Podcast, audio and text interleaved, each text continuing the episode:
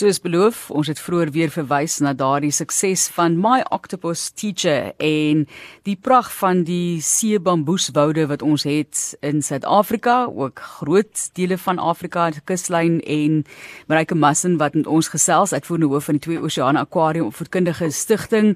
Marike, het jy al baie self ervaar daardie pragtige woude? O, natuurlik, hulle Matelies en Johan. Ja, dit is verskriklik mooi. Dis regtig soos 'n 'n onderwaterbos. En dis so jammer dat so min mense dit kan ervaar, want eintlik in Suid-Afrika het ons die grootste van die grootste woude op die planeet, maar dis dan natuurlik onder water. En dit dit verskaf 'n habitat vir al hierdie ongelooflike diere soos byvoorbeeld die seekat So ek geniet dit vreeslik om in die, in 'n kelp te duik. Ek het daar leer duik. Dit is net baie koud, so mens moet nogal haar op jou tande hê om gereeld daar te duik. Ja, jy weet nie, ons het al op 'n stadium ook gesels oor die ervaring daarvan. Mense dink jy altyd op jouself, wat kruip weg agter die volgende deel van hierdie woud? So maak dit 'n mens maar 'n bietjie bang. Nee, wat? Want ag, ag, men ek ken nou die omgewing heel goed, maar dit is wonderlik om te dink en, en gewoonlik ook kan mens nie so goed sien nie. Jy weet, dit was nou baie ehm um, voedingsstowwe in die water en hierdie hierdie optelling van die van die koue water, maar mens sien nogal haie, maar gewoonlik is dit vriendelike haie wat oh. wonderlik is. Mens wil hulle juist sien. Weet jy, die koeie haie, hulle swem met so groot glimlag op hulle gesig eintlik rond. Maar dit is dit is verskriklike mooi visse, die rooi roman. Jy weet al die kleure eintlik, die kleure in 'n in hierdie onderwater woud, hierdie seebamboeswoud is skrikkelik mooi, want daar see sterre en seepampoentjies en en rooi stompneus visse ook en en natuurlik ons nasionale vis, die galjoen het ek al gereeld gesien. Maar wat ek baie van hou as ek daar duik, is hoe dit die geluide wat jy hoor. Maar daar's krewe wat daar bly en hierdie klein Kaapse garnale en hulle klik klik klik so die hele tyd en dan elke nou en dan as jy nou baie gelukkig is, dan hoor jy selfs walvisgeluide ver in die agtergrond. Maar dit is 'n ongelooflike ervaring en en mens kan verstaan hoekom iemand soos Craig Foster so verskriklik lief is vir die duik en hy's uh, jy weet hy gaan duik elke liewe dag. En en dis wonderlik in die Kaap veral hoe baie mense deesdae gaan swem of vryduik net in die kelp want dit is net so 'n ongelooflike ekosisteem. Marike, hoe hoog het jy gespring toe jy hoor van hierdie Oscar wat die Academy vir ons toegeken het in Suid-Afrika of moet ek liewers vra hoe diep het jy geduik? ja, jy weet jy wat, ek moet erken, ek het dit absoluut verwag. Ek het nie gedink hulle gaan nie wen nie. Dit was al so 'n given geweest.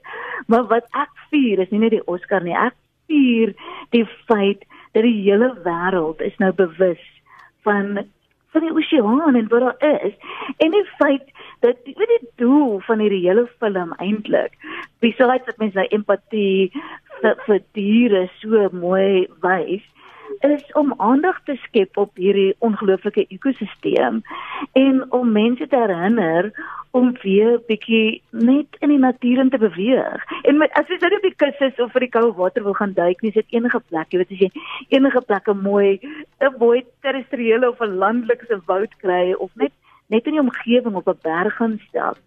So so die hele film wil mense herinner of wees 'n bietjie wil. Jy weet geniet die omgewing. So nee, ek is verskriklik bly vir hulle part.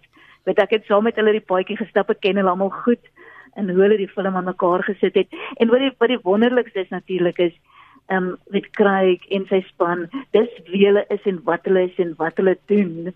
So dit's nie acting nie, maar dis wie hulle ja, regtig ja, is en en dis absoluut wonderlik sien nee, ek is baie baie bly vir hulle. Marika, ag Marika, kyk daar word nou heuning om die mond gesmeer van die spanne en die vervaardiger en die objekte en so maar mm -hmm. en hulle verdien dit. Hulle verdien baie potte vol heuning, maar terselfdertyd is dit 'n ongelooflike en jy is juis in marine bewaring is dit 'n ongelooflike geleentheid om om daardie deel wat so afgeskeep word in die oseane net weer 'n slag bloot te stel aan die mense en die bewustheid daarvan so 'n guldige geleentheid nê om by mense uit te kom by die gewone mens op 'n baie baie aangrypende manier.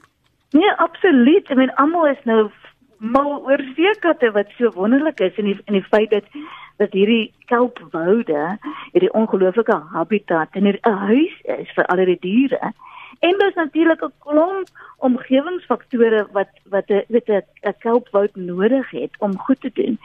En 'n kelpwoud mens mens noem dit, jy weet dit is 'n baie belangrike sleutelsteen organisme wat beteken dit kelp se rol in die ekosisteem is so belangrik dat as dit verdwyn, gaan hierdie hele ekosisteem in mekaar instort. So dit weet is baie goed wat nou 'n rol speel om seker te maak dat ons dit bewaar en wat wonderlik is van die, die Sea Change project in die film is dit juist gemaak om te werk daartoe dat die wêreld erfenis status kry vir ons seebamboeswoude deur UNESCO wat natuurlik die Verenigde Nasies se organisasies vir onderwys, wetenskap en kultuur. So die wêrelderfenis vir 'n plek op aarde wys dat dit universele waarde het vir die hele mensdom en dit is hmm. iets wat jy wil beskerm vir toekomstige geslagte. Hmm. En dit is so wonderlik dat daar nou aandag gerig word op hierdie onderwaterwoude en ekosisteme want wat baie mense nie weet nie, is 70% van die wêreld se suurstof kom juis van see virus, see bamboes en mikroskopiese alge af. So dis 'n ekosisteem wat ons almal in die van die lewe hou en dis juist hoekom ons met met baie bewus wees van hoe ons lewe op land want dit affekteer natuurlik die lewe in onder die water. Hmm, die tema is eintlik heling, né? Dit gaan oor die heling van die persoon wat in kontak gekom het met die seekat wat uitgebrand was en ja. en jy weet so heling speel 'n ongelooflike rol hier in. En as jy kyk na is dit Ocean Ocean Spiracy, né? Die die die dokument. Spiracy, ja, ja wat, Spiracy. Ja. Daai fliek wat gemaak is, is baie ehm um, aanvallend, jy weet, dit is die, die mm. en daar is ook feite foute natuurlik daarin gemaak, maar dit maar hierdie tipe van styl dink ek gaan baie baie mense bereik en bewus maak. Nou wil ek ja, jou vra. Dit is inspirerend en jy weet dit is terapie, terapie en ons sê altyd seewater is ongelooflike terapie. Jy weet as jy net daar gaan dryf in die see voel jy reeds beter of jy dink aan die see. As jy hoor, weet ek het mhm. mos mm -hmm. ook daar in Pretoria groot geword, so ek het musiek geluister wat net see geleide en dolfyne en walvis geleide en dit was ek dink dit was my hoërskoolterapie gewees. Toe sing Rina, hoor jy my stem oor die see toe kom jy Kaap toe? Rina, goed. Hoorie so ek ek net in slotte vir jou vra, kan mense is daar georganiseerde duike in die kelpwoude? Ehm um, weet jy van so iets? Wat wat ja. gewone mense wat nou belangstel dalk op op 'n seekat kan afkom? Weet jy wat is ongelooflik om te sien hoeveel mense het na vanaf September toe toe die filme uitgekom het, begin homself te gaan duik want die hele weet Weskaapse kus het natuurlik kelpwoude en dit is baie baie maklik om daar uit te kom.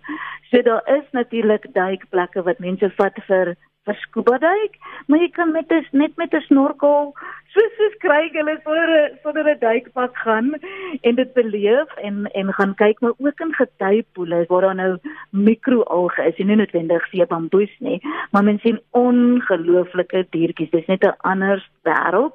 En dan een ding net gou om te te noem wat ek dink is wonderlik in Suid-Afrika en seebamboes is ons het natuurlik 'n natuurlike vuvuzela en in Hermanus ons 'n walvisroeper en hy gebruik 'n kelp horing of 'n kelp vuvuzela om vir almal te te roep en uit te wys waar is die walvis en dit is my altyd so 'n mooi gebruik van 'n gedroogde stuk see bamboes.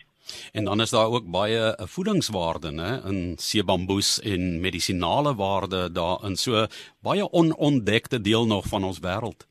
Ja, absoluut. So daar's omtrent meer as 700 spesies van van ehm um, alge in aan ons kus. En net een van hulle is 'n bietjie giftig wat mens nie kan eet nie. Maar soos in Asië, ek dink meer as 2 miljoen ton seewier word per jaar jy weet gebruik in in in kos maak in in kookkuns en dis vol vitamiene en minerale en dis skrikkelik baie kalsium en proteïene in. So is eintlik een van die gesondste kossoorte. En seebamboes, ons groot seebamboes groei eintlik baie vinnig in onder die regte omstandighede. So hierso in Suid-Afrika kan mens nou die reuse kelp wat ons nou ken as seebamboes Macrocystis maar daar's ander genera soos Laminaria, Eclonia, ehm um, Alaria. Dit klink vir alles soos koshuisname. Ek kan dink dit telefoon se koshuisname. En van die spesies kan vir tot 20 jaar lank lewe wat nogal beïndruk wat indrukwekkend is eintlik. En dan natuurlik, een van die grootste moeilikheid vir vir kelpwoude is seepampoentjies. En as dan 'n bietjie van 'n wanbalans is van 'n populasie dinamiek, dan as jy die seepampoentjies oorneem en dit gebruik, dit het gebeur in um, Tasmanië, dan eet hulle daai daai kelpwoude op. En dan sit nou hierdie groot kalkol in die see wat natuurlik 'n probleem is. En hier by ons wat gebeur het is baie van ons groot roofvisse word uitgevang en dit sluit in haie ook.